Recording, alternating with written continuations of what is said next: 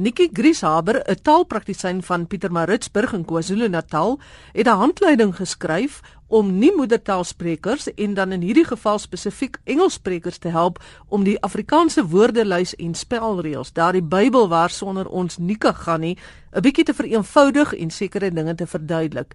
Ek het vir Nikki gevra om te verduidelik hoekom hy dit gedoen het en waar sy belangstelling vandaan kom. Ek was redelik lank 'n uh, dosent gewees in Afrikaanse Nederlands by die universiteit. En um, die meeste van ons studente is maar nie moedertaal sprekend, maar meestal Engels sprekend. En as jy net so met hulle werk dan dan besef jy dat jy sekere goed eenvoudig meer toeganklik moet maak en dit is wat ek probeer het. So die die woordelys en spelreëls alhoewel hy totaal onvervangbaar is, jy weet met betrekking tot omvattendheid en aantal voorbeelde en daai tipe goed, is baie baie moeilik toeganklik vir iemand wat nie moedertaal Afrikaans spreek en dit is nie oor die algemeen. Ek wil maar net die ding bietjie afstroop en van belangrikste uh, spelreëls in Engels verduidelik sodat sodat meer mense toegang daartoe kon hê onderwysers en studente en senior skoolleerders van die terminologie wat daarin gebruik word en die manier waarop dit geskryf word, ek ken self die woordlyse spelreëls, is dit eintlik vir 'n uh, Afrikaanse eerste taalspreker geskryf. Nou, hoe het jy toe te werk gegaan? Het jy dit die reëls vereenvoudig? Het jy dit in Engels vir die mense verduidelik of hoe het jy toegemaak? Ja, die die boekie is in Engels en wat ek probeer doen het is om hom nou min of meer in te deel net om te verduidelik hoe ek hom ingedeel het. En ek het begin met die met die die drie grondbeginsels. En toe het ek die diakritiese tekens verduidelik in in 'n groep en ook die hele die hele um, gedagte agter diakritiese tekens. Wat doen hulle? Wat is hulle funksie in die algemeen? En dit het hulle een vir een behandel en dan in die volgende deel van die boek, het ek dan 'n klompie reëls wat 'n uh, skryfreël sê maar wat meer eie is aan Afrikaans. Veral die wat uh, verskil van Engels soos byvoorbeeld vasskryf die gebruik van punte by afkortings die gebruik van hoofletters en en dis meer. Het ek net in eenvoudige taal probeer verduidelik. Maar wat ek wat ek gedoen het met die diakritiese tekens is om die terme soos copies deeltekens ensovoorts wat in Afrikaans gebruik word om hulle net so te gebruik want oor die algemeen ken Engelssprekendes daai terme beter as wat hulle die Engelse ekwivalente ken. Dis net soos Afrikaanssprekendes ken 'n hyphen beter as 'n koppelteken. Wel, dis is nog te doen of vir so praat van dash of so iets ja. Uh, ja, dit dis die ironie van die saak. Maar as 'n mens met Engelssprekendes praat dan dan gebruik hulle baie makliker uh, 'n uh, woord soos copy of deelteken as wat hulle bevoel praat van 'n circumflex of 'n uh, of 'n diaresis hulle hulle kyk jy snaaks aan as jy daai terme gebruik. Maar hulle ken Afrikaanse woorde baie goed. So wat ek wat ek gedoen het is, is om om met daai woorde te werk en dan ook deurgaans na die woordelys en spelreëls self te verwys met uh, afdelingnommers of paragraafnommers, bladsynommers. En wat ek dan daarmee gehoop het in die eerste plek natuurlik om te vereenvoudig en in Engels te verduidelik. En dan ook daarmee dan hoop om die woordelys en spelreëls soort van minder skrikwekkend te maak vir vir mense wat na die ding kyk en sê oef hy's bietjie dik jy weet waar begin ek? So het ek gehoop om dit meer toeganklik te maak het jy alles wat in die woordelys en spelreëls is kon dek of moes jy net gekies het sekere kategorieë? Daar was uiteraard 'n hele klomp waarby ek nie kon uit uitkom nie. Die diakritiese tekens het ek wel gedek en en van van die belangrikste aspekte daarvan. En met genoeg voorbeelde en wat ek ook probeer doen het is om te om, om te probeer voorsien wat 'n soort vraag iemand sal vra so as jy byvoorbeeld sê ehm um, goed maar hierdie woord het 'n kapie nou hoekom het daai woord dan nie 'n kapie nie lyk so dieselfde soort woord het ek van daai tipe goed probeer ondervang onder andere maar jy kan nie alles dek nie en, en dis hoekom ek dan na die woordelys en spelreëls self gaan verwys het. En wat die tweede deel van die boekie betref, nou wat ek genoem het die koeks, die die geite, die goed wat nou eie is aan Afrikaans, het ek 'n paar goed geïsoleer.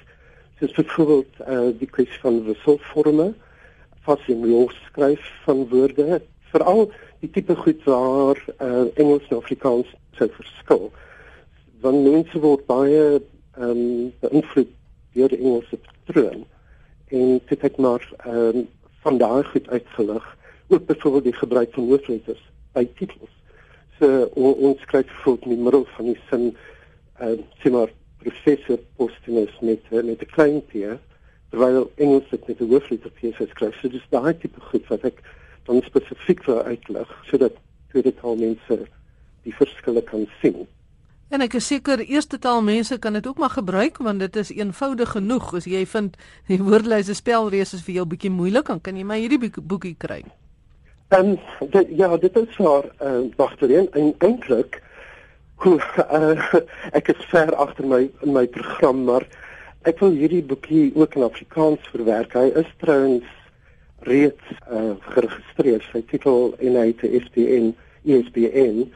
Uh, ek dink ek noem iets soos kappies en goeie en geite waar baie dieselfde soort um, benadering gaan volg, maar in Afrikaans om dan op dieselfde manier die ding die AWS bietjie af te stroop en ja, en dan effens vereenvoudig weer eens met met verwysings deurgaans na die woordelys spelreëls net om dit meer toeganklik te maak want van baie mense is eintlik bang vir die AWS want alhoewel hy absoluut fantasties is vir sy deeltyd met hom werk weet ons hy is baie keer bietjie reflekkend want hy is so dik ek Nikki, jou van is Gries Haber wat Duits is.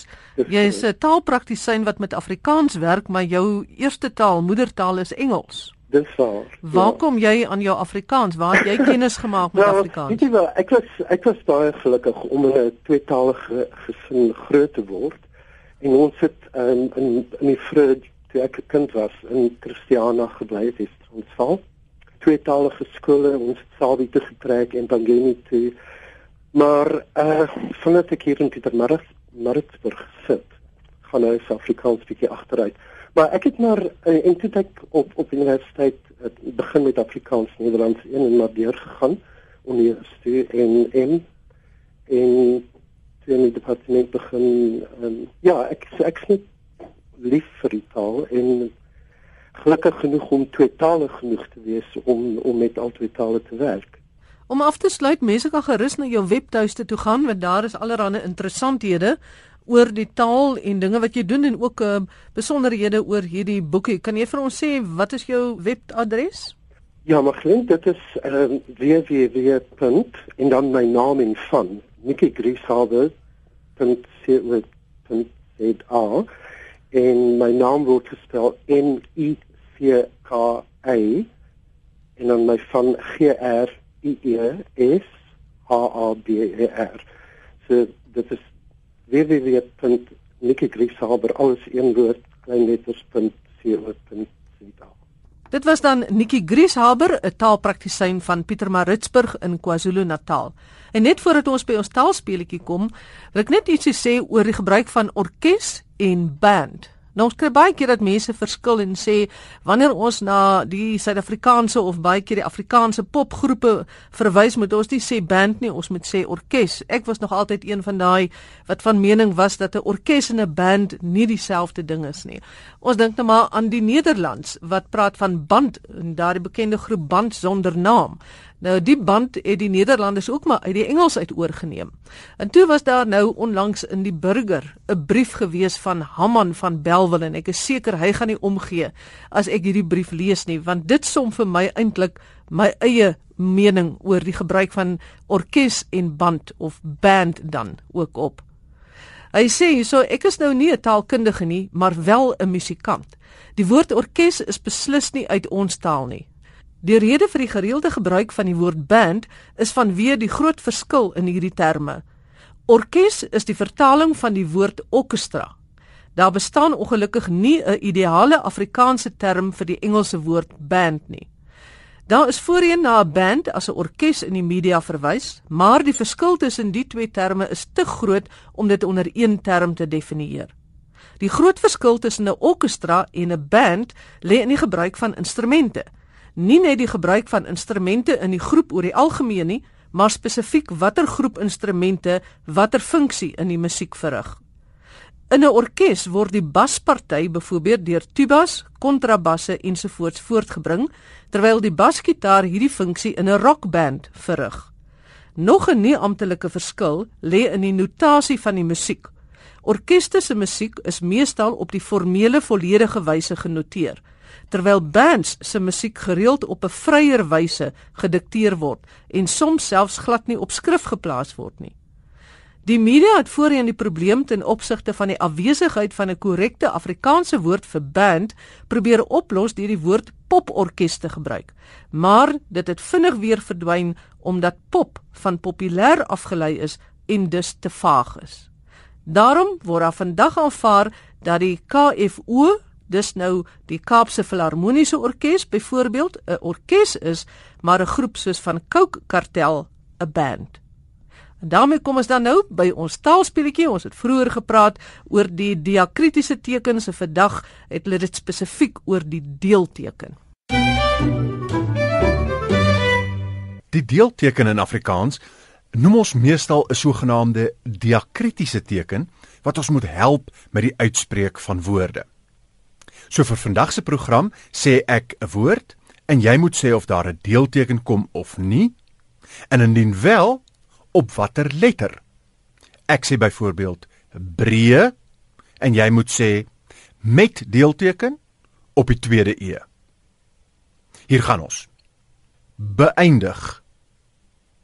Geolie. Priele.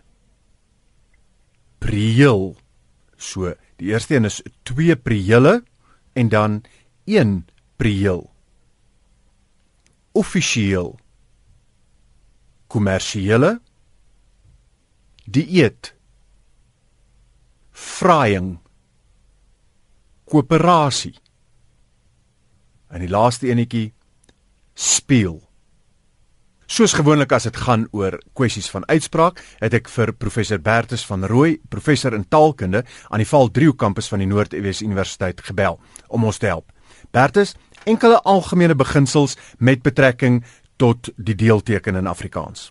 Gerard, die vernaamste rede hoekom ons die deelteken gebruik is om leesverwarring tussen twee agtereenvolgende klinkers te vermy. Ons wil seker maak die leser spreek die woord reg uit.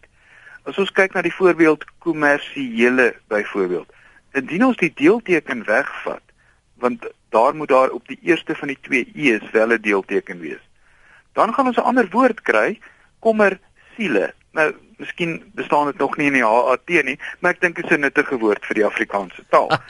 Dis weliswaar nie presies wat mense in gedagte het wanneer jy praat oor 'n kommersiële transaksie nie. Die deelteken word dan gebruik in gevalle waar ons of om 'n historiese rede twee agtereenvolgende klinkers het of omdat ons 'n afleiding gemaak het, 'n stam en een of ander voorvoegsel of agtervoegsel aan mekaar geplak het en nou kom hier 'n potensiële risiko ter sprake en daarom voeg ons die deelteken by. Ons sal 'n koppelteken gebruik as dieselfde risiko ontstaan by samestellings. As ons dus twee stamme aan mekaar voeg, byvoorbeeld buite invloed of toe eien dan sal ons eerder hierdie potensiële leesverwarring oplos met 'n koppelteken. Maar as ons 'n afleiding maak met 'n voorvoegsel of agtervoegsel en 'n stam, gebruik ons 'n deelteken. So in die vorm beëindig het ons gewoon die die vo oorspronklike vorm eindig en nou sit ons die voorvoegsel be vooraan en nou sal mens nie wil hê iemand moet wonder is dit nou b ietsie nie dis beëindig en daarom plaas ons die deelteken op die begin van die nuwe lettergreep. So dis b sonder 'n deelteken en dan eindig met 'n deelteken op die e om aan te dui hier begin die nuwe lettergreep. So dis die een soort rede hierdie afleidings wat leesverwarring kan veroorsaak. Die ander soort rede is histories. In die vorm spieël sit ons met 'n woord wat uit Nederlands kom waar dit in Nederlands spiegel is en daai g het nou weggeval. En nou behou ons tog in Afrikaans dikwels die twee lettergrepe, so dui ons steeds die begin van die tweede lettergreep met 'n deelteken aan op die tweede lettergreep. Dieselfde kry ons in seën, S E E N met 'n deelteken op die tweede e want in Nederlands is dit wegen waar die nou weer weggeval het. Jou aanvanklike voorbeeld breë is weer van dieselfde aard in Nederland sal dit brede wees soos wat ons steeds vandag in die breede rivier vallei sal sê die d daar weggeval en ons behou die twee lettergrepe en dui die begin van die tweede lettergreep aan met 'n deelteken dan op die tweede e. In geolie het ons hom nie nodig nie want Afrikaans het nooit 'n e en 'n o wat een of ander klank aandui, 'n difdong of iets nie. So dis net gewoon geolie sonder 'n deelteken. En dan kom ons by prieel en priele. In die enkelvoud prieel word die i dubbel e l gebruik sonder enige deelteken. Dis 'n ongewone kombinasie van klanke, maar hy het net een moontlike uitspraak en daarom hou ons hom net so die i dubbel e l dieselfde met eer soos in initieer of eet soos in dieet word geen deelteken gebruik nie. Maar as ons nou 'n ekstra klank agterna bysit soos in priele die meervoud of dieete of in initiering dan het ons 'n i en 'n enkele e en dit kan dalk verkeerd gelees word as net 'n kort i soos in 'n kommersieel kommersiële en dan kry ons kommersiele as ons die ding net as 'n kort u lees in plaas van 'n hele. En daarom word die deelteken dan gebruik nie in die enkelvoudige vorm nie maar net as die vorm ekstra klanke agterna kry en een van die twee e's dan in werklikheid wegval dan sit ons met 'n risiko van leesverwarring. So wat iemand sou sê prile prile en dit kan dalk moeilik verstaan word. So dit maak dit dan eintlik maklik ook by offisieel en kommersiële dis met 'n deelteken op die la, tweede laaste e. Dit is reg en dieselfde weer vir dieet, dit het geen ekstra deelteken nodig nie. Maar dieete sou dan wel weer dieete sal wel anders word dit iets soos diete wat 'n vreemde meervoud van die lidwoord die kan wees. Dan het ons nog die voorbeeld vraaiing oor In vraaiing het mens twee keer die letter u langs mekaar en in Afrikaans is dit 'n baie ongewone kombinasie, maar dit is nie nodig om hierdie kombinasie vir die leser te merk nie, want wanneer twee die letter u twee keer langs mekaar voorkom, word dit altyd as twee silabes uitgespreek en daarom is daar nie 'n risiko van leesverwarring as jy basiese spelreëls van Afrikaans ken nie. So vraaiing toying en die sulke forme kry nooit 'n deelteken nie. En koöperasie het dan ook 'n deelteken op die tweede o. Deelteken op die tweede o want in Afrikaans die oop is natuurlik of koop is natuurlik gewoon 'n een eensilabige woord.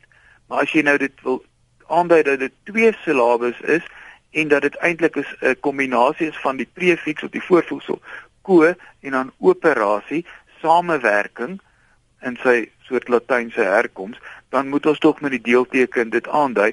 Mense sou kon argumenteer dat dit eintlik in Afrikaans altyd bekend sal wees wanneer jy hierdie soort samestellings het, maar ons het nou maar besluit in die spelreëls om die deelteken altyd hier te gebruik. En nou is dit die ander ding van Afrikaans, mense wil breedweg 'n konsekwente stelsel hê. So as jy eers begin om twee o's langs mekaar dis uh, aan te dui met 'n deelteken dan doen jy dit maar altyd en nie net soms nie. Dit sal nou vir jou uh, erger deurmekaar spul afgee dat jy nou moet leer watter twee o's langs mekaar moet wel 'n deelteken kry en watter nie. So met al hierdie gevalle as 'n bepaalde opeenvolging van klanke eers eenmaal deeltekens kry, kry dit basies in alle gevalle deelteken soos die uh twee o's van koöperasie of die twee e's van beëindig teenoor die twee i's van vraaiing kry gewoon nooit 'n deelteken nie en ons volstaan daarbey ook 'n bietjie ter wille van konsekwentheid. As jy enige vrae oor deeltekens, koppeltekens, kappies ensovoorts in Afrikaans het, stuur gerus vir my 'n e e-pos by taalvraag@rsg.co.za.